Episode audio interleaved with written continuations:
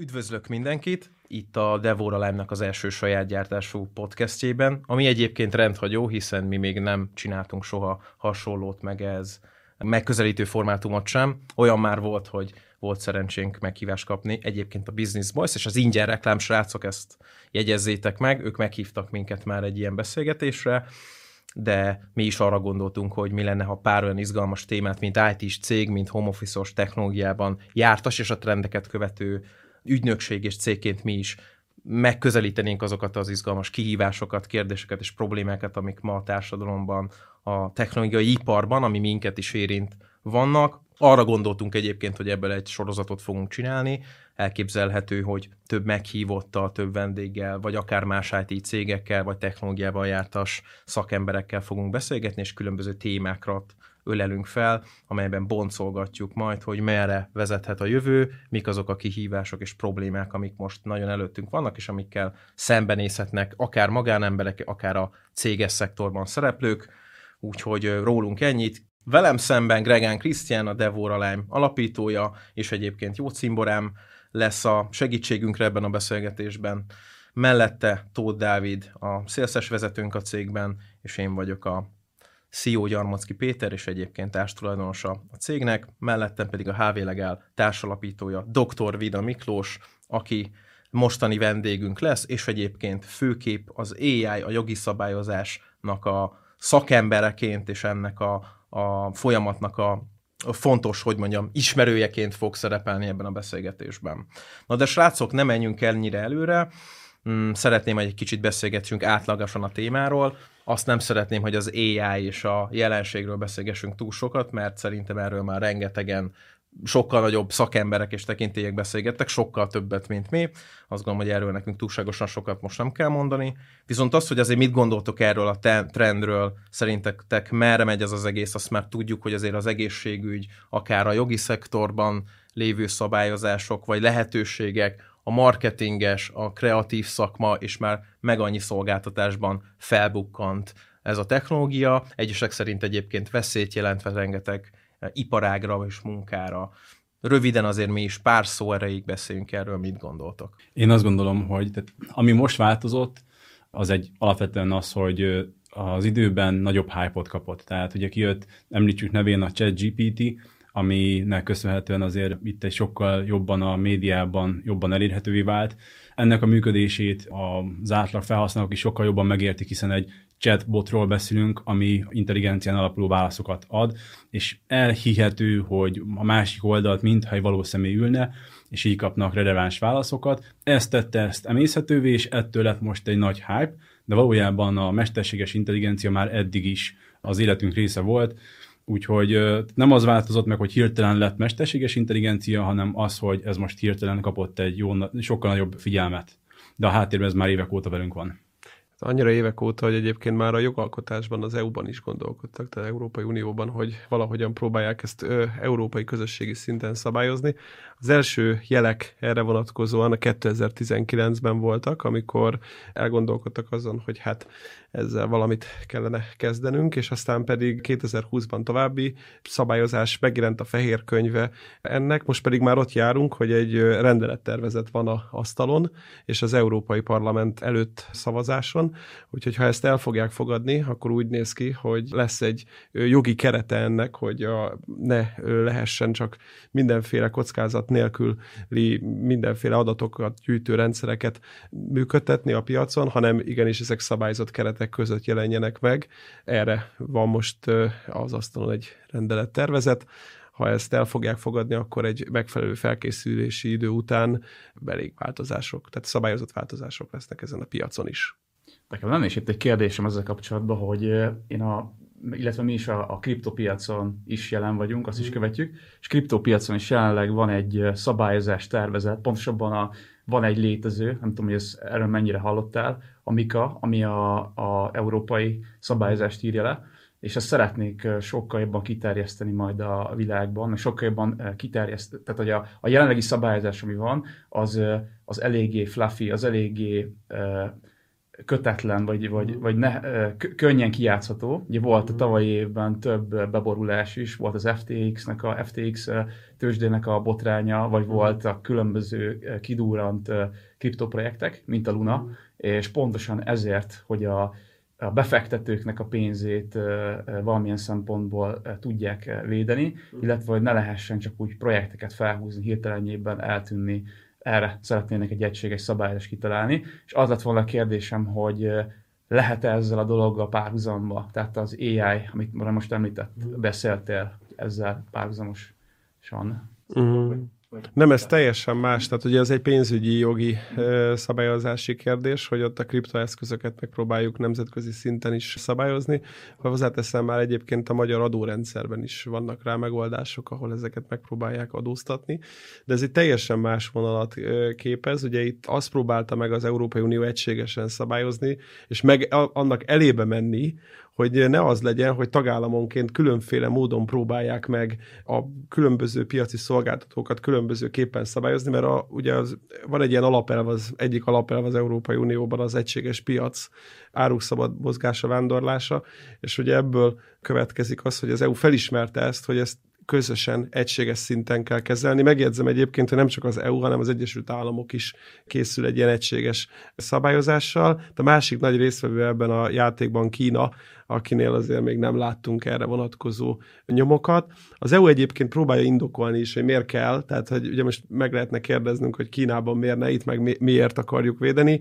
Ő, az EU úgy gondolja, hogy a bizalom, meg amiatt, hogy ö, tényleg a, jobban eladható lesz azáltal a termék, hogyha ennek egy szabályzott keretei lesznek az unión belül, aztán majd, ha belemegyünk, akkor ezekről is mesélek, hogy hogyan gondolja ezt a jogalkotó. Egy kicsit beszélgetünk arról, hogy a, egyáltalán miért érdemes, miért kellhet azt az AI-t szabályozni, a politikának ebben miért kell bele szólnia, és itt arra próbálok rátapintani, hogy mi lehet az AI-nak a veszélyei. Erről szerintem egy kicsit beszélgessünk, hogy, hogy miért tartunk ott, hogy erről érdemes beszélnünk, miért kell, hogy a jogi alapját vizsgáljuk. Erről mit gondoltok?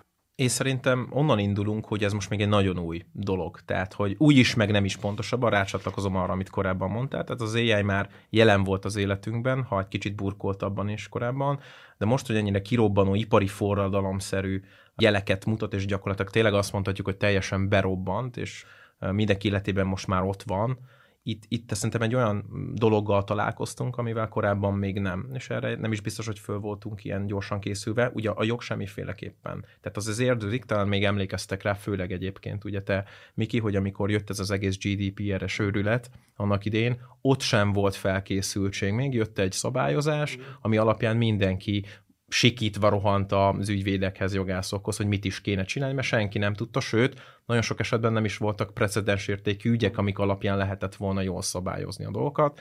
Szerintem ez talán még egy fokkal bonyolultabb problémakör is lehet annál. Bonyolultabb problémakör, és mi már ezért kezdtünk el a mi irodánk ezzel a területtel egyébként már előre menve, még úgy, hogy még a rendelettervezet sincs elfogadva, vagy a végleges jogszabály sincs, mert annyira speciális és annyira egybefüggő terület lesz ez, hogy először meg kell ezt egyáltalán informatikailag érteni, ahhoz, hogy mi utána jogászként gyakorlatilag hozzá tudjunk szólni. Egyébként az EU részéről ez nagyon komoly energiák vannak mozdítva, tehát ők már próbálkoztak azzal, hogy a büntetőjog vonatkozásában hogyan lehet a nyilvántartási rendszerek, a megfigyelési rendszerek kérdésköre. Ugye felmerülnek szerzőjogi kérdések, amikor elkészít valamit a mesterséges intelligencia, akkor azt kinek a szerzői alkotása, és az hogyan használhat fel a későbbiekben.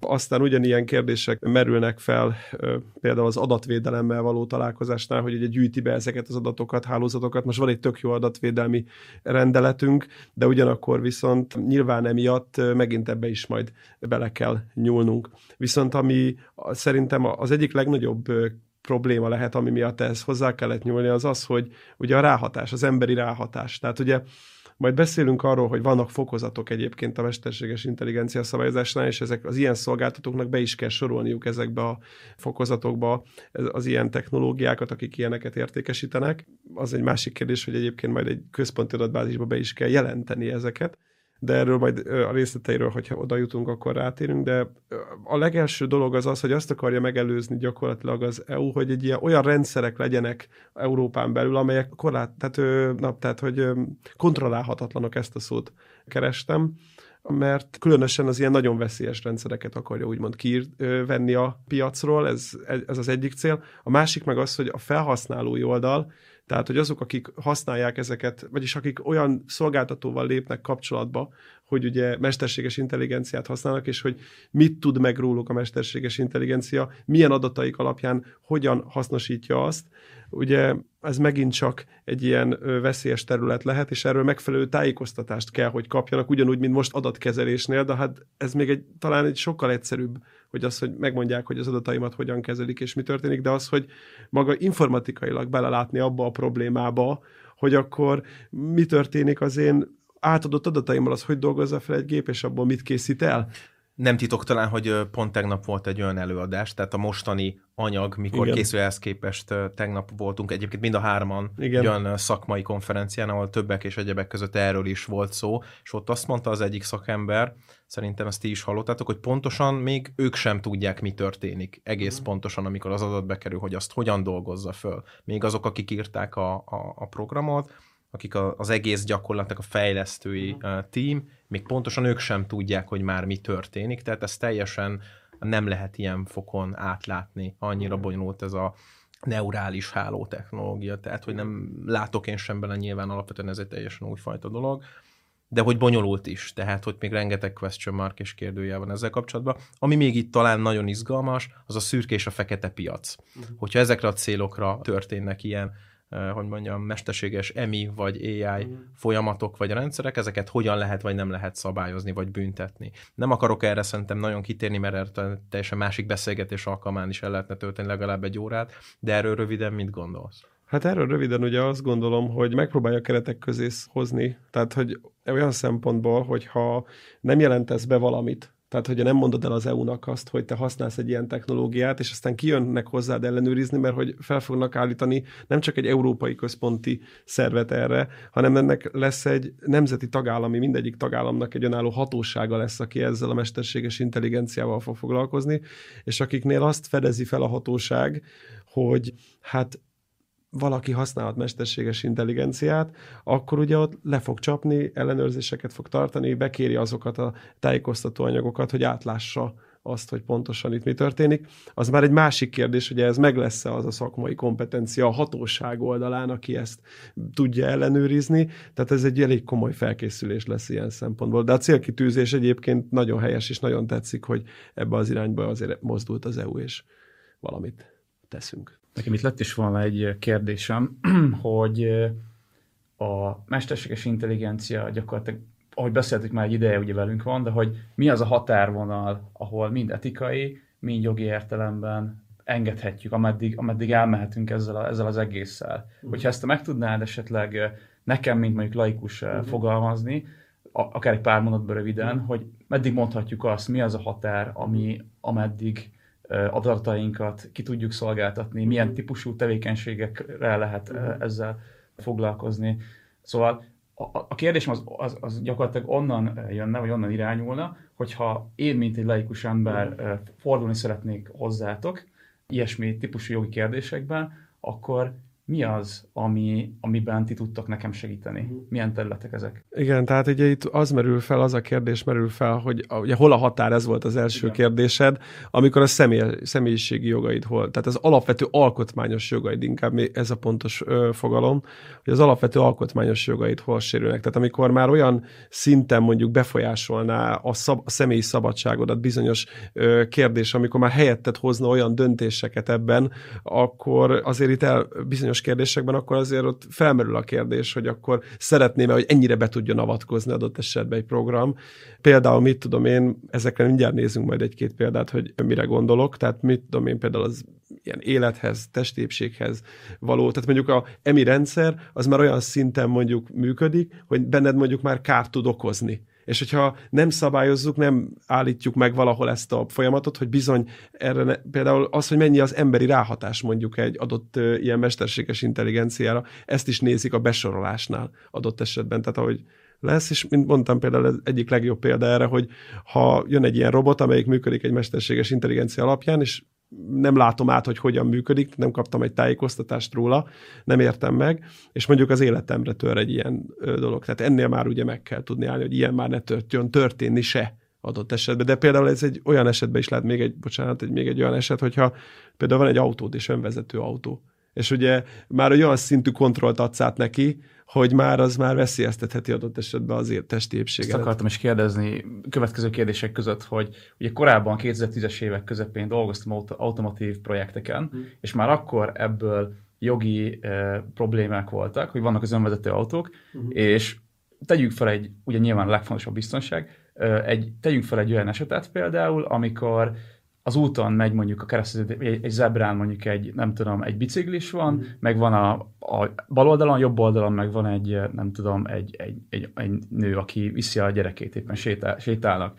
És hogyha történne ott egy, egy baleset, mm. ilyen esetben hogyan válasszon, hogyan döntsön például a, az autó. Uh, és hogy korábban az volt még, hogy az volt még a, a, a felállás, hogy nem volt ezekre még konkrét jogi szabályzás, uh-huh. ezért semmelyik autógyártó nem vállalt, nem tudott ilyen eszközöket élesbe állítani, úgy, hogy ezzel felelősséget is tudjon vállalni, mert hogy ezek még nem voltak. Ez változott? Nem változott, tehát ez még ez csak egy, azt mondanám nektek erre, hogy ez a rendelettervezet, ez egy ilyen általános keretet próbál adni. És a részletszabályok kidolgozása az, hogy az egyes iparágokban hogyan fog menni. Egyébként, ha jól tudom, akkor erre a gépekre, a géptípusokra egy külön rendelet készül, és ezeket külön fogják még ehhez képes szabályozni. Úgyhogy itt a részletszabályok kidolgozása, de az való igaz, hogy ez, a technológia az egyébként már rendelkezésre áll, ezt felismerte a jogalkotó, de ahhoz, hogy meg tudjon jelenni a piacon, ahhoz majd az kell, hogy gyakorlatilag azoknak a besorolásoknak, meg azoknak a kritériumoknak, amit előírnak majd az adott technológia alkalmazása kapcsán, azoknak meg tudjon felelni adott esetben a termék. Mondtad az előbb, hogy itt a, az élet veszélyeztetése mint egy fontos szempont, hogy mit, mit, mit ne lehessen csinálni. De például a Ugye azt is látjuk, hogy az egészségügyben például igen komoly pozitív hozadéka is tudna lenni a mesterséges intelligenciának. Pont a, a tegnapi előadáson arról is szó volt, hogy amíg egy ember, egy orvos bizonyos szituációban, bizonyos esetekkel csak korlátozott számban találkozik. Tehát, hogy honnan, miért is várhatnánk el az orvostól, hogy nagyon pontos diagnosztikát csináljon egy röntgen felvétel alapján, hogy ő életében látott mondjuk 10-15-öt, miközben, hogyha van egy megosztott modell, egy, egy tanulási modell, amit a mesterséges intelligencia, ha kielemez, akkor ő látott már ezret, ezerötöt, tízezret, százezret, tehát hogy, hogy bődületes mennyiségű adatot ugye képes az AI feldolgozni, és ezáltal ő sokkal pontosabban tud diagnosztikát megállapítani. Tehát ilyen esetben például egy AI ö, dönt afelől, hogy milyen kezelés kaphasson mondjuk a beteg, mert ő azt mondja, hogy szerinte ez egy, ö, mit egy rákos betegség, és ezért kemoterápiát ír elő az orvos helyett gyakorlatilag. Akkor itt a, a, a jog az hogyan próbál, vagy hogyan tud úgy szabályozást bevezetni, hogy a pozitív hatást ne gáncsolja el, mégis egy, egy lényegi, egy, egy elég konkrét kérdésről van szó, ami ha viszont meg rosszul dönt az AI, akkor meg pont, hogy az, akár egy életet sodorhat veszélybe. Igen, hát mondjuk ez a rosszul dönt, ez az embernél is lehet, csak ugye pont a rendelettervezetnek valahol az a egyik fő iránya, hogy a végső döntés valahol az embernél legyen. Tehát, hogy ne az legyen, hogy mindent úgymond egy gép dönt el, és egy gép és ugye ezért vannak veszélyességi kategóriák, hogy, és erről akar úgymond tudni, a szol, amikor igénybe vesz valaki egy ilyen szolgáltatást, hogy mennyire fogja eldönteni az én esetemet adott esetben egy ilyen gép, és mennyire ö, nagy a valószínűsége annak, hogy ebből nem lesz problémám, vagy lesz problémám. Tehát ezek ilyen mind-mind ezekben a riportálásokban. Ugye megvannak a kritériumok, most ezekben nem fogunk belemenni a összes osztálynál, hogy milyen kritériumok vannak, de hogy ezeket, pont ezeket határozza meg, és akkor ott te magad is el tudod dönteni, hogy kell-e ez, tehát le, lefordítva konyha nyelvre, hogy mennyire veszélyes ez, milyen döntéseket hoz, és a másik oldalról pedig ugye a orvos is el tudja dönteni, adott esetben, hogy igénybe akarja venni ezt az eszközt, vagy nem. Szerintem itt van az egyik kulcs, amit mondtál, miközben Krisztián ezeket a gondolatokat mondtad. Pont arra gondoltam, hogy ennek valószínűleg az lesz a megvalósulási forgatókönyve, hogy a gép, a mesterséges intelligencia ajánl egy megoldást a statisztika szerint, de mondjuk egy vezető orvos fogja az álment mondani rá. Tehát az utolsó utáni döntés az a bizonyos gomb, hogy oké okay, vagy nem oké, okay, az ember kezében marad még, az biztos. Így viszont lesz fele, személyes felelősségvállalás, mert ő írja felül, vagy hagyja jóvá azt a fajta utasítás, javaslatot, erős javaslatot, amit mondjuk a mesterséges intelligencia tesz, mondjuk egy egészségügyi kérdésben. Ez ott, ahol tehát van idő döntést hozni, ott ez tök jogos. De például, ha az előbb beszéltünk az önvezető autókról, ott az embernek nincsen ideje adott esetben beavatkozni, hogy felülbírálja a gépet, vagy egy riportot olvasgasson, van egy szituáció, kitüssön el az idős bácsit, a tolókocsis gyereket, tehát hogy igen. Az egy nehéz kérdésünk valóban. Szerintem erre még nincs is, ahogy De is akkor, ha jól értem, ezek alapján az önvezető autókat ilyen szinten akár az Európai Unió egy darabig nem is fogja engedélyezni, ameddig nincs erődöntés, vagy ameddig nincs erődöntés, akkor ilyenkor, tehát ez is egy, egy számomra egy tök érdekes kérdés, hogy mi történik abban az esetben, ameddig nincsen valami szabályozva. Tehát, hogy ebben a pillanatban egy önvezető autót az utakra lehet engedni, hiszen nincsen róla egyértelmű szabályozás, mm. hogy mi történik, vagy ameddig nincs erről egyértelmű szabályozás, addig inkább tilos. Hmm, nagyon jó a kérdés, ennyire nem mentem bele ebbe a kérdésbe. És valószínűleg nagyon sok ilyen kérdésünk lehetne még, hiszen ebből igen, hát látszik meg, mire úgy még, és úgy, hogy egyébként Miklós rengeteget foglalkozik magával a témával. Tehát ő szerintem az egyik legfelkészültebb legfelkészültebbek között lehet az országban, mégis ennyire sok ebben még a kérdés. No, de akkor szerintem egy picit még ugorjunk hátrébb, engem ami nagyon érdekel, és akkor kezdjük el egy kicsit a személyes történetedet szerintem. Uh-huh. Mikor jött legelőször a benyomás, az ihlet, az isteni szikra, hogy heuréka nekünk ezzel foglalkoznunk kell. Uh-huh. Ugye legtöbben még szerintem akkor nem vagy csak minimálisan kezdték felismerni, vagy kapizsgálni azt, hogy ez egy nagyon komoly, mondjuk úgy, hogy poten, piaci potenciált jelenthet az ügyvédi irodáknak. Ti ezt nagyon hamar felismertétek. Erről egy picit mesélj nekünk. Hát én a 2020-as évek környékén ismertem fel ezt, hogy akkor lenne szükség. Mégpedig onnan, hogy ugye rengeteg olyan technológia van már nekünk ügyvédeknek, ami egyébként mesterséges intelligencia alapon segíti a mi munkánkat. Mondok csak egy példát.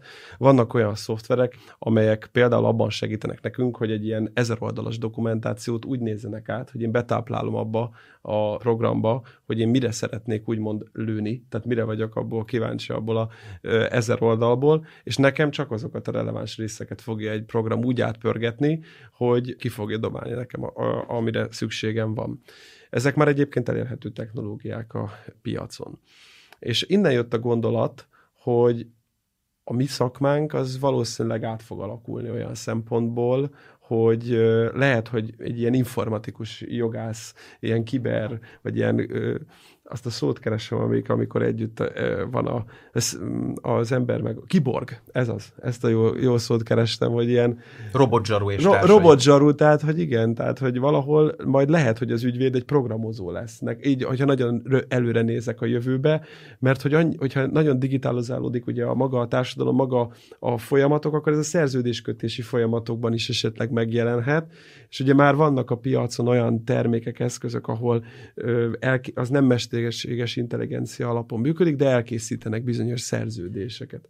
Olyannyira egyébként, és ezt így a, a kis jegyzetfüzetemen, vagy a kis memómon egyébként a végére szántam, de szerintem ide lesz relevánsabb, olyannyira, hogy egyébként a ChatGPT az már most is képes alapszerződéseket létrehozni, magyarul is. Tehát én kértem tőle korábban csak kísérletezés céllal szerződése alapot, és egy titoktartási nyilatkozatot például tök jól összeragott. Nem mondom, hogy nem kellett volna belenyúlni, de minimálisan spórolt meg annyi forintot, és rengeteg órát mondjuk nekem, mint cég vagy magánember. Tehát erre már most is képes, és azt gondolom, hogy mondjuk a GPT-4 az ennél még professzionálisabb uh, szerződést tud csinálni, vagy anyagot. Sőt, azt mondták, hogy ő már egyébként az ügyvédi vizsgának a nem tudom, legfősőbb x százalékán belül képes letennie tudásban azt, amit oda kell. Igen, tehát... Mi, ja, igen, az a kérdés maga, bocsánat, igen. mit gondolsz, illetve te magad nem félsz attól, hogy egyébként ez a technológia elveheti, vagy sok, sok szeletet lenyeshet ebből a piactól? Fog lenyesni, ez biztos. Tehát ugye főleg azokat a dolgokat, akik, meg azokat a rendszereket, ami sablon alapon működik. Tehát ami ilyen teljesen, ami könnyen meg tudja tanulni, meg ugye bizonyos munkakörökre is úgymond ezen belül, tehát a junioroknál azért egy veszélyforrás jelenthet, aki kijön az egyetemről, és akkor ő úgymond elkezdi. Ha csak nem kap már az egyetemen egy olyan oktatást eleve, ami már ugye versenyelőnybe veszi őt, és azt mondjuk, hogy ő bizony már akkor látott bizonyos AI technológiákat akár az egyetemeken, na de hát ezt is felismerni, hogy, hogy hogy erre szükség van, és az elején ugye az ő munkájukat tudja úgymond az ilyen egyszerűbb dolgokat, ahol még nincsen annyi hozzáadott érték a munkához, mint amit már egy senior szintű ügyvéd tud mondjuk hozzátenni, és én azért nem féltem egyébként a munkánkat ilyen szempontból, mert valahol ezeket a programokat egyébként tanítani is kell majd, meg a, a, átadni úgymond a tapasztalatot, és én inkább úgy fogom fel ezeket, tehát én, ugye régen is voltak géprombolások, azok az idők is voltak, és meg, meg minden, és e, emellett mégis működött tovább az emberiség. Most mi is elkezdhetnénk, hogy megsemmisítünk minden ilyen eszközt, és maradjon az ügyvédek talántuma, de nem, tehát, hogy fel kell ismerni azt az ügyvédeknek. Én úgy gondolom, hogy ez ránk szakad, ez, ezzel kezdeni kell valamit, és már előre gondolkodni azon, hogy én ezt hogy építem be a tevékenységembe, és szerintem ebbe az irányba kell gondolkodnunk. Én egyébként az utolsó mondat erről, azt gondolom, hogy ez picit az árakat lejjebb viheti, de talán amiben még úgymond mentheti a szakmának ezt a piaci szeletét is, hogy azért jól kell tudni kérdezni az intelligenciát. Tehát a kizáró okokat, a kivételeket, tehát az utasítás, meg ugye prompt engineering, ez most már egy új munkakörnek számít, nem csak itt, hanem ha képet szerkeztünk, vagy bármilyen tartalmat adunk meg gyakorlatilag az AI-nak, jól kell utasítani őt a megfelelő nyelvezettel, megfelelő gondolkodási struktúra mintával és azért ebben még egy jogászi gondolkodás, egy ebben felvértezett tudással nyilván sokkal hamarabb tud, sokkal professzionálisabban és gyorsabban jogi dokumentumokat létrehozni, mint mondjuk én, akinek ki kell tesztelnie 6-7-8 lehet 10 féle variációt, hogy elérjem azt a dokumentum formátumot, amit eredetileg szerettem volna. Mm. És a másik dolog, hogy az, hogy képes ez a program személyre szabottan tényleg azt a tanácsadást adni, amit neked kell, Említetted azt, hogy ugye az árakat lejjebb nyomja, igen, azoknál a dolgoknál lejjebb fog menni, ami most sablonszerűen megy, hogy bemegyünk egy ügyvédirodába, és azt mondjuk, hogy készítsenek nekem egy bérleti szerződést. Ez valószínűleg egy, ezek az általános és teljesen egyszerű dolgok, igen, de amikor azt mondom neked, hogy egy vállalat felvásárlásnál, például ahol ezer kérdés felmerül, hogy, hogy, a, hogy mennyi kockázat van abba, aki mondjuk a korábbi céget, amikor felvásárlom, és amikor át kell világítanom, arról készítenünk kell ugye egy riportot, és aztán abba egy ilyen 10-15 évnyi tapasztalat mennyiség van, amikor egy ügyvéd megér arra, hogy el tud vinni egy ilyen ekkora méretű projektet, akkor már viszont azt mondom nektek, hogy nem biztos, hogy ezeket a dolgokat egyénileg egy gép el fogja tudni dönteni, és tanácsot fog tudni, és egy ilyet meg fog tudni írni a szerződés. Én visszakanyarodnék oda, hogy szerintem egy fontos kérdés az abban lesz még, hogy egy, egy szerződés keretében, hogyha az a szerződés mégsem olyan, ami jól véd, akkor ki lesz a felelős? ChatGPT? Én pont ezt szerettem volna egyébként kérdezni, a jelenlegi, ugye beszélünk a jövőről, de a jelenről, hogyha jelen állapotban beszéltünk önvezető autókról, beszéltünk különböző szektorról. Most ugye beszéltünk arról, hogy a, a gyártók azok nem igazán vállalnak még felelősséget. Jelenleg, ha van egy önvezető autóm, történik egy baleset, mert én az önvezető, ugye például Teslák, Tesláknál rengeteg videó terjedt a világba, hogy az autópályákon álló konvojba belehajtottak a Teslák százzal, 120-szal, fékezés nélkül, minden nélkül. Ilyen esetben elvileg ugye Tesla nem vállal a felelősséget, de történt egy baleset. Ilyen esetben teljesen én vagyok a hibás, a, a sofőr, aki bekapcsoltam az önvezető autót, vagy valamilyen szinten elővehetem a gyártót is. Igen, ez megint az az érdekes kérdéskör, ugye még nincsen szabályozva, tehát nincsen rá. Tehát, hogyha most az egyszerű polgárjogi szabályokból indulok ki, ami most rendelkezésünkre áll, akkor azt kell neked mondanom, hogy te nyilván igénybe veszel ott is egy szolgáltatást vezetés közben, és azt ígérték neked, hogy ez az autó ez tökéletesen el fog menni, de nem tudjuk például azt, hogy mondjuk milyen körülmények esetén képes az a program működni. Tehát például képes az mondjuk bizonyos mindenféle szituációban úgy, ugyanúgy működni, és akkor mondhatja a gyárt gyártó azt, hogy hát én csak ezekre a szituációkra vállaltam úgymond felelősséget, és megint ide vissza tudunk menni az alaptételhez, hogy ezért fontos az új rendelet, hogy ezért tájékoztassuk adott esetben az AI-t igénybe vevő felhasználókat, hogy akkor hol van a, a határ, meddig tudod használni az AI-t biztonságosan, meddig vállalom a felelősséget érte, és hol van az a pont, amikor már viszont nem. Tehát... Azért abban legyünk teljesen biztosak, ezen a példán, Dávid, amit mondta, hogy szerintem azért, amikor veszel egy Teslát, akkor azért Elon Muskéknál biztos, hogy teljesen jól le van specifikálva, hogy milyen körülmények között és saját felelősségre használod az önvezetőt, és gyakorlatilag semmilyen nem vállal felelősséget. Valószínűleg csak nagy valószínűséggel működni fog a történet. Nem olvastam ilyen dokumentumot, nem vettem Teslát, de teljesen biztos, hogy ez úgy van ott leírva, hogy ne lehessen nagyon támadni. Abszolút, abszolút így van. Csak ezt azért hoztam fel, mint gondolatébresztő, mert hogy beszélünk egy mesterséges intelligenciáról, hype foglalkozunk vele, nagyon sokat használjuk, sok, sok területen, viszont senki, akármilyen területről beszélünk, nem vállal felelősséget jelenleg. Tehát jelenleg, ha jól értem, de akkor cáfolj, erősíts meg, a mesterséges intelligencia egy segédeszköz. Egy segédeszköz. És Egy, ennyi. Ugye egyébként, tehát, hogy szerintem az AI-t azt most úgy kell kezelni, hogy egy olyan eszköz van a kezünkben, amit mi nem tudunk használni. Tehát, és nincsenek is lefektetve a szabály, hogy hogyan használhatnánk, meg mire használhatnánk. És egyébként el is vinném egy picit még abba az irányba is itt a beszélgetést, hogy ahogy beszéltük az elején, a mesterséges intelligencia nem új keletű, most ugye a ChatGPT egy hype-ot adott az emberek kezébe, illetve még egy dolog, ami nagyon fontos különbség, hogy azért eddig a, a különböző cégek házon belül nyilván nagyobbak, akiknek erre volt pénzük, de hogy maguknak fejlesztettek mesterséges intelligenciát. Mondjuk egy kézenfekvő példát, Netflix. Tehát, hogy az emberek otthon nézegetnek sorozatokat, az, hogy mi alapján hozza meg az ajánlásokat egy, egy Netflix, az, az alapján teszi, hogy mi milyen filmeket néztünk meg, és ezeket mesterséges intelligencia analizálja, és, és az alapján kapunk ugye ajánlásokat. De hogy ez a, a mesterséges intelligencia a Netflixnél van, Netflix házon belül ö, épült ki, és mi a Netflix-el osztjuk meg az adatainkat, hogy mit nézünk, milyen nézettségi szokásaink vannak. Ezzel szemben, hogyha most ö, látunk olyan ö, eszközöket és túlokat, amik worldwide működnek, ChatGPT, ott a kommunikációt én egy Redmondban lévő szerverrel folytatom gyakorlatilag, én, mint EU-s állampolgár, én egy amerikai céggel osztom meg a beszélgetésemet. Adott esetben, hogyha egy alapvetően titkos dokumentumról beszélünk, és én adom át a ChatGPT 4-nek, hogy elemezze ki, akkor az kikerül Amerikába, és ott az felhasználásra fog kerülni. Valószínűleg benne van az asap az is, hogy ezt ők fel fogják használni, és később válaszokra fognak benne belőle generálni, hogy ennek, ennek, ennek mi a jogi háttere. Vagy például egy olyan szempontból is, hogy teszem azt, mi használunk valamilyen mesterséges intelligenciát, de nem feltétlenül tudjuk róla, mint mondjuk cég, hogy mi egy olyan szolgáltást veszünk igénybe, ami mögött egy mesterséges intelligencia van akkor például hogyan lehetünk mi szabályozottak? Vagy...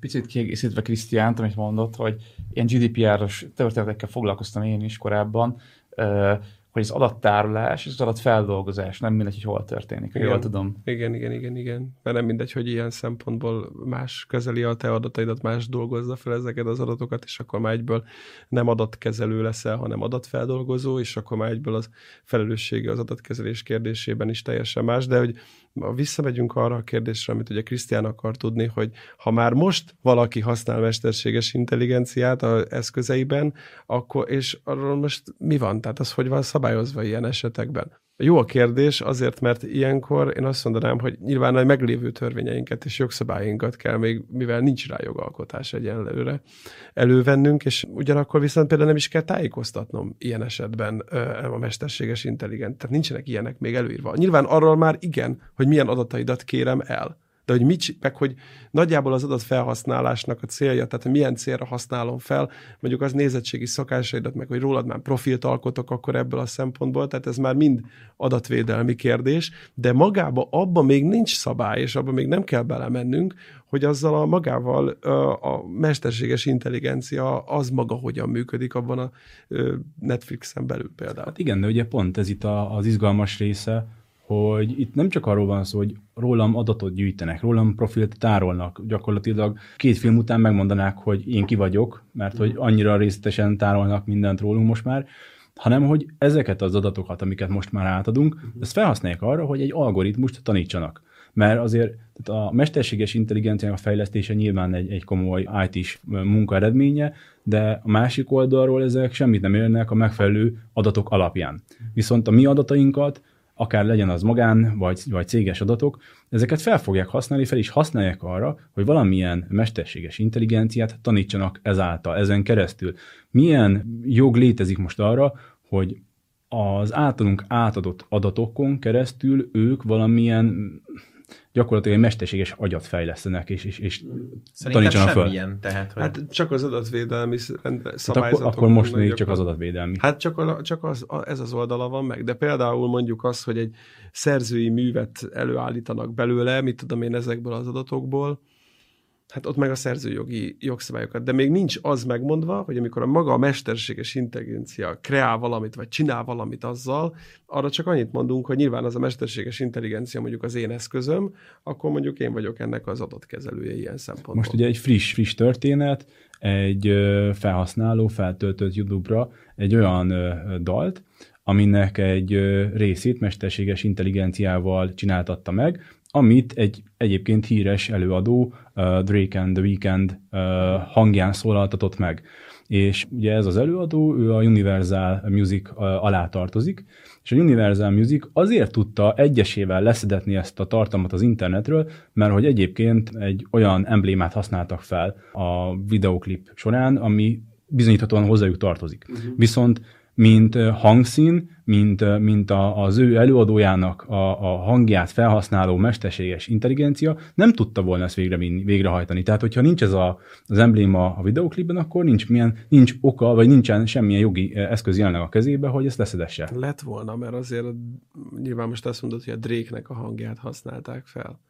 És ugye az, az a problémám, hogy ugye a Drake biztos nem járult hozzá ahhoz, hogy mondjuk ő neki a, átalakítsák a hangját, meg a művét, meg a mit tudom én miért. Ugye itt ezzel, tehát ezzel szemben a, a, a, egy nagyon érdekes kérdés van itt e, e, mögött, mert ugye maga Google is készít mesterséges intelligencia szoftvert, amivel most abban a, a helyzetben van, hogyha igazadat a Universal Picture-nek, akkor gyakorlatilag a saját eszközét limitálja be, hogy ilyenre nem lehet használni. De közben bődöletes pénzeket fordít arra, hogy fejlesz Igen. A másik oldalról, ha meg azt mondja, hogy, és arra hivatkozhat, hogy hát hiszen a weboldalak, meg bármilyen algorit, kereső kavler algoritmusok már most is működtek, már azok már most is elemzéseket végeztek, akár a, a videó hanganyagokban, akár az internet tartalmán, és hát a kereső motorok is ez alapján adnak visszatalálati lehetőségeket.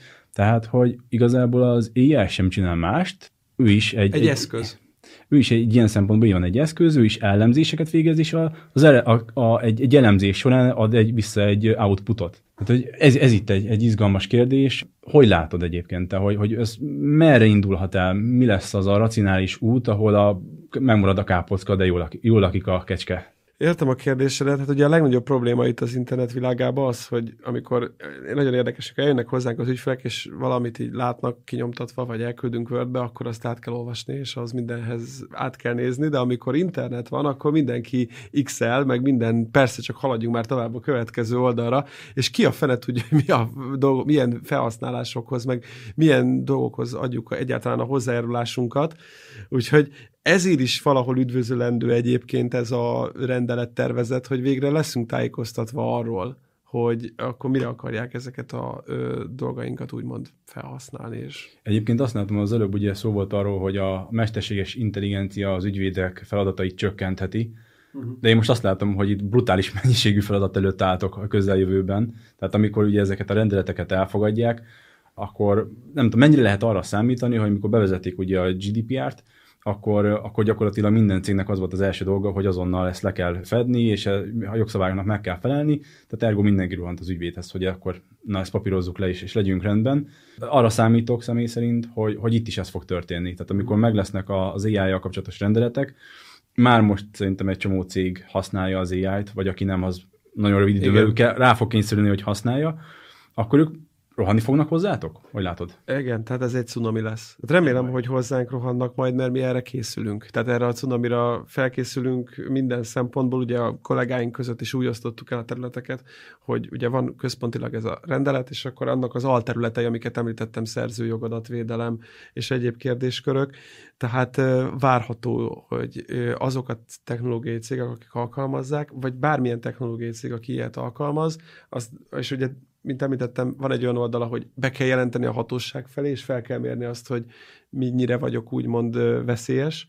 A másik az én, az én szolgáltatásom mennyire veszélyes, úgymond, melyik veszélyességi kategóriába tartozik, másrészt pedig a tájékoztatók, anyagok megküldése, de tehát erre úgy fel kell készülni gyakorlatilag jelenleg, hogy az biztos nem lesz önmagába elég, hogy amikor csak két héttel előtte kezdünk el ezt a témát tanulni. Tehát ezt, ezt azért ezt el kell elég korán, úgymond, és látni. Krisztiánnak volt az előbb egy tök jó kérdés, és abból jutott eszembe nekem egy következő, hogy ugye mondta például ezt a Netflixes profil uh, alkotást, uh-huh. hogy te milyen, vagy, vagy gondoljunk a Spotify-ra, hogy hasonló uh, típusú zenéket uh, kezdte felajánlani nekem.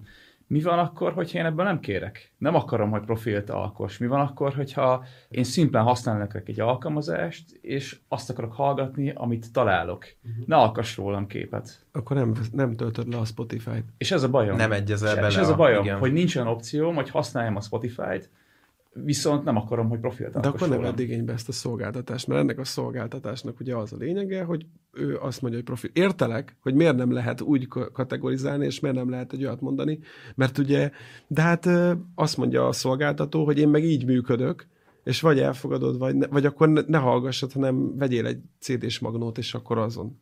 Tehát, hogy... És ez probléma szerintem valamilyen szinten, mert ha jól tudom, akkor megkülönbözteti a jog, de ez már inkább GDPR, hogy te profilt alkothatsz adott emberről, tehát hogy egy egyénről, és annak az adatait adod, adod ki, azt nem adhatja ki, uh-huh. viszont már agregálva egy nem tudom, egy 10-20 százer vagy egy teljes adatbázisból álló csoportosított adatbázis, mondjuk az, hogy a Spotify hallgatók 60% a férfi, 40% a nő, 10%-a hallgat, nem tudom, regit, most mondtam valamilyen példát, ilyesmi, ezeket eladhatja. Ilyen típusú adatokat továbbadhat, és értékesíthet. De nem, tehát nem vagy diszkriminálva amiatt, hogy, hogyha te, tehát a jog az úgy működik, hogy szerződési szabadság van. A félre eldönti, hogy bele akarok-e egyezni, igénybe akarok-e venni egy szolgáltatást, vagy nem. Elmondták, hogy mik a feltételek. És nyilván te azt mondod, hogy el vagy zárva akkor a szolgáltatástól gyakorlatilag, amiatt, hogy te nem döntheted el, hogy kérsz-e profilalkotást, vagy nem kérsz profilalkotást.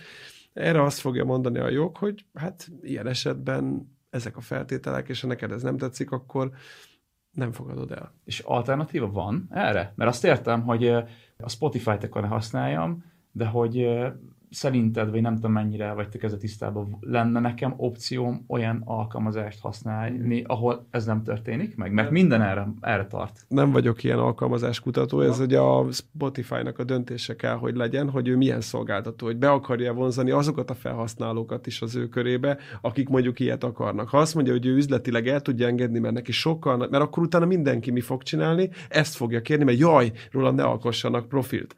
És akkor inkább azt mondom, hogy így szolgáltatok, ez kell vagy nem kell, ha nem kell, akkor hallgassd a CD-s magnót, ha kell, akkor meg vedd igénybe ezt a szolgáltatást, de hát barátom, akkor rólad profilt alkotok. Tehát ez így működik. Kicsit, Miklós, kanyarodjunk szerintem vissza az EU-hoz és a szabályozáshoz. Jó. Üdvözölted a beszélgetés elején, hogy mennyire örülsz neki, hogy most már elkezdett ezzel a jog foglalkozni. Szerintem sokunkat érdekelhet egyébként itt a termen belül is, de akár azon kívül a nézőket, hallgatókat, hogy mikor kezdett az EU foglalkozni ezzel az egész témakörrel.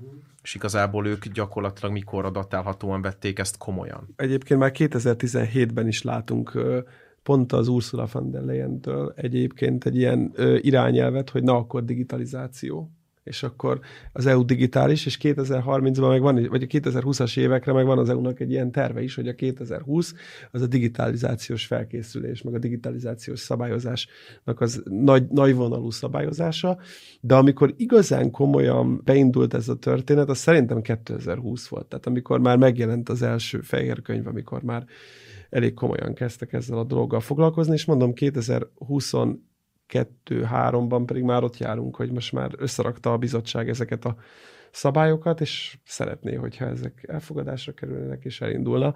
Nyilván egyébként valahol a folyamat, meg ha nem a szabályozást nézem, hanem a piacot nézem, akkor ezek a fejlesztő szolgáltatók meg már a 2010-es években valahol, vagy már még hamarabb elkezdték a mesterséges intelligenciának a fejlesztését. Azt még megkérdezem, hogy te így személy szerint elégedett vagy azzal az úttal, amit az EU megkezdett ezzel kapcsolatban? Szerinted ez egy tök jó nyom, ami most járnak, és komolyan veszik ezt az egészet, vagy azt gondolod, hogy ezt lehetne másképp is csinálni? Mm, egyelőre ezzel még nem gondolkodtunk. Ugye nem látunk még nagyon sok mindent, hogy hova akar az EU eljutni egyébként ezekkel a szabályozásokkal. Most egy általános rendelet tervezet, annak az előkészítő munkái, különböző tanulmányok, amik már megjelentek, meg ahogy, tehát ugye az EU se így kitalálta ezeket, hanem rengeteg hatásvizsgálatot tartott, rengeteg szolgáltatót vont be már ezeknek a megalkotásába, ennek a szabályozásba, és ugye, ahogy említettem, tehát, hogy valahol azt akarja, hogy nem akarja azt a világban, hogy gyakorlatilag jön ez a cunami, ez a technológia,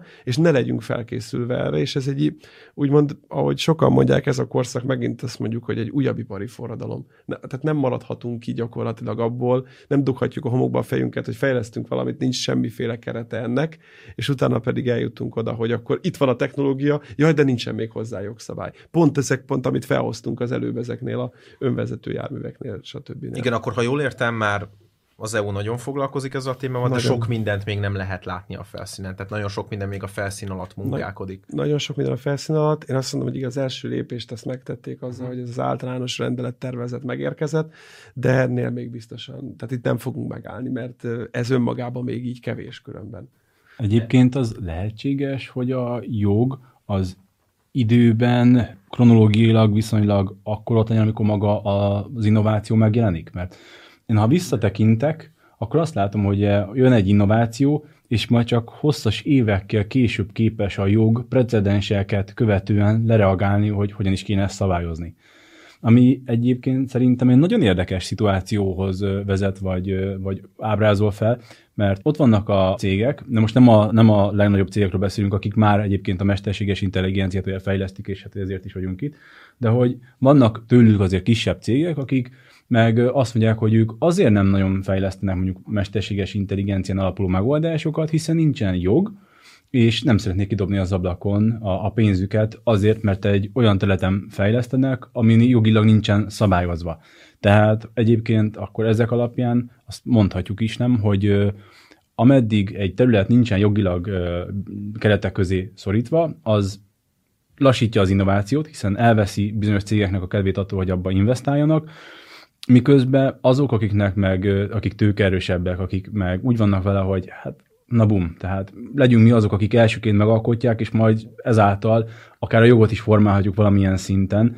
Ez, ez, ez hogy tud összetevődni? Tehát, hogy mi a, mi a legjobb esélye a jogalkotónak abba, hogy, hogy ezt az innovációval harmóniában viszonylag rövid időn belül le tudják követni? Szinte semmi.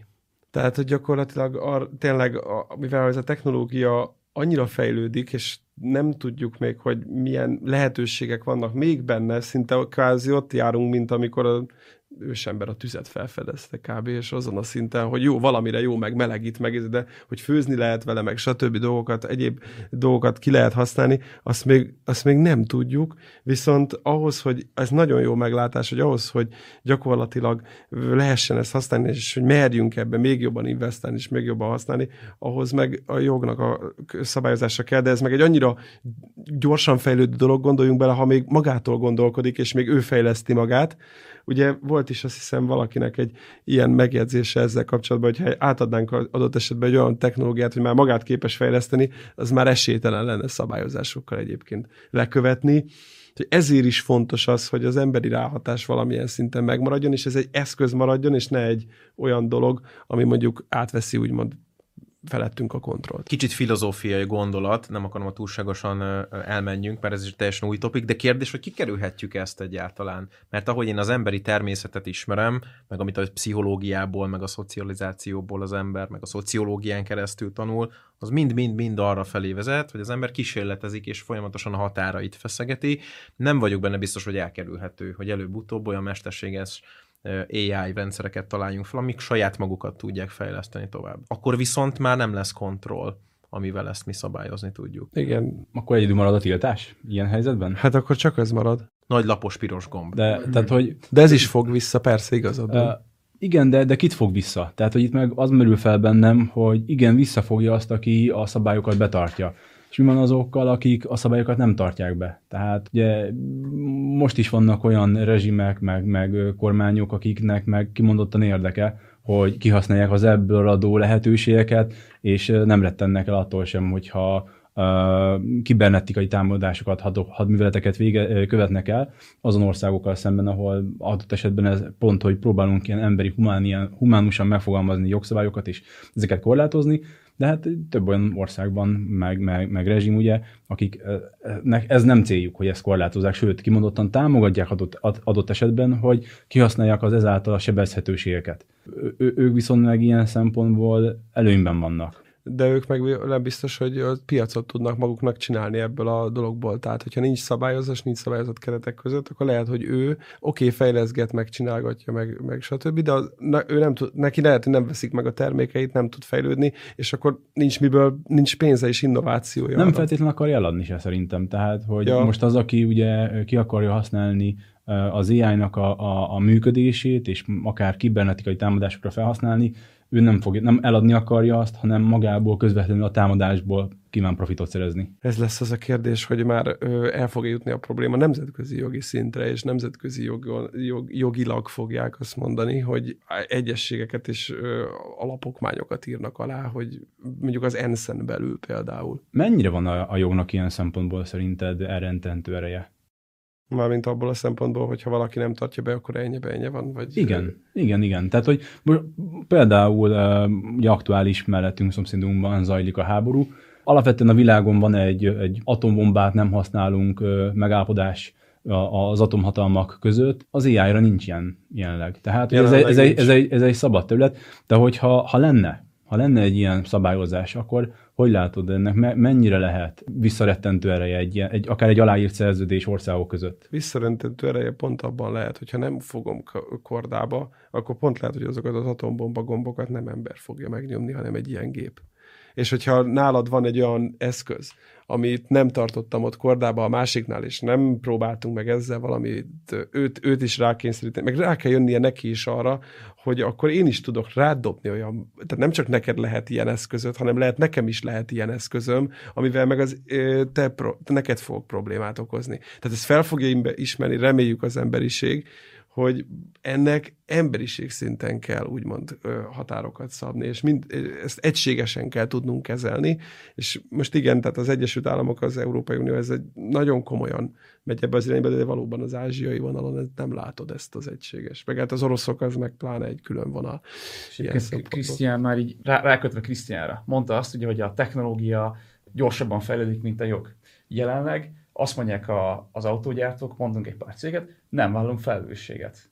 Mikor mondhatjuk azt, mikor vonható felelősségre konkrétan már az AI? Mert ugye jelenleg én azt látom, hogy azt gondolom, hogy önvezető autó, mindenki ebbe az irányba halad, sokkal több pénzt elkérhetek az autómért, mert ez egy menő, egy trendi dolog, de nem vállalok érte felelősséget. Ha probléma van, akkor ugyanúgy akkor polgári jog, alapolgári jog indul az egész sztorinak neki, és ha jövőben ugyanígy, ahogy a fejlő, fejlesztések, fejlődések megtörténnek, a jog ugye kvázi nem tudja lekövetni a, a dolgot, addig mondhatom én, mint cég, hogy ja, amúgy nem vállalok rá felelősséget. De Tehát, hogy, uh-huh. hogy érted, mire akarok kiukadni? A, hogy mikortól mondhatom azt, hogy ilyen eszközöket csak akkor adhatok ki, hogyha az jogszabályi keretek között van megvalósítva. Értelek. Hát valahol maga a rendszer fogja egyébként ki nevelni, vagy kihozni azt, hogy nem veszek olyat, amiért nem vállalnak felelősséget, és hogyha másik megvállal, és valahol meg utána bele fog szólni egyébként ebbe feltétlenül a jogalkotás is, hogy azt fogja mondani, hogy meg fogja mondani, hogy igen, ezt most álljunk meg, és... És például ez a, ez a jogszabály, ez az egységes jogszabályrendszer már egy lépés e felé, azt gondolod? Én azt gondolom, hogy igen, ez már a nulladik lépés ahhoz, hogy ebbe az irányba menjünk el, de nyilván ehhez ezeket részletekbe menően majd szabályozni kell. Rengeteg tanulmányt olvasunk arról, hogy ki lenne ilyenkor a felelős, de ez annyira egy, nagyon nehéz lesz ebbe egy ilyen általános szabályt alkotni, aki úgymond mindenkire is, hogy el kell fogadni, mert nyilván erős lesz a, a autólobbi nyilván erős lesz azoknak a lobbia, akik azt mondják, hogy na de nem, de az életvédelem fontosabb. Tehát egy nagyon sok lobby lesz ebbe, politika is lesz ebbe, hogy melyik legyen, úgyhogy ez, ez egy nagyon nehéz terület lesz, de le lesz szabályozva egyszer. El is értünk szerintem az utolsó is egyben talán az egyik legfontosabb kérdésünkhöz, hogy mit gondolsz arról, hogy a mesterséges intelligenciát használó cégek életét, ez az állatadad említett készülő rendelet, hogyan, miben fogja befolyásolni a valószínűleg közeljövőben. Mire készüljenek azok a cégek, akik szeretnének, vagy már most is használnak uh-huh. ilyen technológiát. Hát nyilván arra, hogy meg, megfeleljenek ennek, és nyilván ők is már kezdjék el ezeknek a jogszabályoknak, kereteknek a vizsgálatát, úgymond, hogy hova kell gyakorlatilag eljutni, mi várható a szabályozás, milyen korlátok lesznek, hogyan kell prezentálnom például majd a hatóságok felé azt, hogy nekem milyen szellemi technológia, ilyen AI technológiám van úgy prezentálni, hogy ne áruljam el viszont az üzleti titkaimat, ne mondjam el azokat a dolgokat, ami ugye nehogy egy olyan hely, gyűjtőhely legyen ez, hogy én beadok a hatóságnak mindent, elmondom, hogy nekem milyen technológiám van, és akkor a hatóságánál van minden gyakorlatilag. Tehát, hogy ez, ez e, erre kell gyakorlatilag felkészülnünk, és mi már próbálunk is ebbe az irányba menni, hogy ezeket a cégeket úgymond ezekre próbáljuk meg felkészíteni. Egyébként a, egyébként a jelenlegi állapotban, ha lehet ilyet kérdezni, vagy tudsz erre esetleg válaszolni, milyen szektorból, milyen területről jön leginkább ezzel az egész ai kapcsolatban hozzátok megkeresés vagy mhm. kérés, kérdés jogi ügyben? Hát az egyik az a, a robotika területe, tehát azok, akik ilyen robotokat fejlesztenek, a másik azok, akik ilyen chat botokat, tehát amelyek képesek, és a harmadik terület az meg, meglepő módon egyébként az egészségügy területe, ahol ilyen különböző műtétekhez és egyéb eszközökhöz használnak fel hát, robotokat, berendezéseket, ahol ugye életekről döntünk, hogy na akkor ott hogyan lesz majd szabályozva. Úgyhogy ezek a területek azok főleg, amikben még egyelőre és gondolom, hogy ha ilyen típusú megkeresés van egészségügyel kapcsolatban például, akkor ahhoz már kell egy konkrét azért szakember bevonás és szükséges. Nem elég ilyenkor a jog. Beszéltünk itt ugye a, a döntésekről, mm. akár egy műtétnél, ha megtörténik egy hiba, hasonló dolgok, akkor nyilván ezt csak joggal nem lehet ilyen esetben leírni, hanem olyankor azért van, hogy be kell vonni szakembereket. Be, be, be, főleg ugye az olyan informatikai cégekkel, hát magunk mi is egyébként próbálunk stratégiai együttműködéseket akár kialakítani, akik ehhez értenek, akik ezt csinálják, akik ezt programozzák, hogy majd a bemutatásnál ugye, amikor a hatóságok felé kell ezt prezentálni, akkor ez egyértelmű és átlátható legyen, de nem csak informatikus, hanem például ugyanígy a adott szektornak a képviselője, tehát mondjuk most menjünk vissza a kórház orvossal, hogy adott esetben az a technológia az orvosilag mit csinál gyakorlatilag azzal az emberrel, mit befolyásol benne. Azt megint csak meg kell értetni, és konyha nyelven kell majd megértetni ezekben a szabályozásokban. Tehát ez, ez egy nagyon, egy roppant összetett terület, itt sokkal több terület találkozik. Igen, meg magába a jog leírásba. Gondolok itt ugye az egészségügyre például, hogyha nem mindegy, hogy mondjuk nem vagyok orvos, nem értek hozzá, nem mindegy, hogy egy vakbélműtétről van mondjuk szó, vagy egy, nem tudom, sokkal szívműtét, még sokkal komplexebb dologról, és ott történik. Gondolom már ezt ilyen szinten is, akár eseti szinten is szabályoznunk kell. Igen, igen. Igen, ilyen mélységekig azért le kell jutnunk, de azt látni kell, hogy a jog az mindig úgy működik, hogy sosem ilyen elaprózódás. Tehát, hogy a, az, hogy mindent és mindent területet, hanem megpróbálunk mindent általánosságban felfogni de hát, mert akkor a részletszabályokba elvesz a gyerek, mindig ezt szoktam mondani. Szerintem ez egy olyan téma, amiről még biztos, hogy fogunk többet beszélgetni. Számos új izgalmas terület fog megjelenni napokon, hónapokon belül, amiről biztosan izgalmas és érdekes lesz majd újra visszatérő gondolatokat megosztani egymással. De most nagyon szépen köszönjük Miklós, hogy elfogadott a meghívásunkat itt voltál, hogy beszélgettünk egyet. Egyébként ez is volt a cél, hogy egy baráti kerekasztal beszélgetés formájában tudjunk egy kicsit beszélgetni, és abban bízunk, hogyha tetszett nektek ez az adás, akkor le fogtok velünk ülni. Ezt most így a hallgatóknak mondom máskor is, hogy meghallgassatok minket más témában is. Mi időről időre jelentkezünk. Köszönjük szépen még egyszer, hogy itt voltál, és bízunk abban, hogy rengeteg sikerrel fogsz tudni beszámolni nekünk az elkövetkezendő időszakban. Köszönöm szépen a meghívást, és hogy ti is felismertétek, hogy ezen a területen a jogban is van keresnivaló, és kívánom én is nektek, hogy még olyan szakemberekkel beszélgessetek, legyen lehetőségetek, akik ugye így az első részben velem sikerült, de hogy olyan más szakemberek, szakterületek, akik szintén felismerték ennek a problémáját, és megpróbálnak már most felkészülni, és nem pedig az, hogy a, adott esetben ez a cunami őket majd beterítő. Hogy még egyszer szeretném megköszönni a részvételi lehetőséget, és hogy első lehettem ezen a podcast. Abszolút első voltál, ez, ez így van, úgyhogy úttörő vagy te is, meg mi is egy közös folyamatban vagyunk, úgyhogy hajrá nektek, hajrá nekünk, és jövünk még srácok. Köszönjük. Köszönjük szépen. Köszönöm.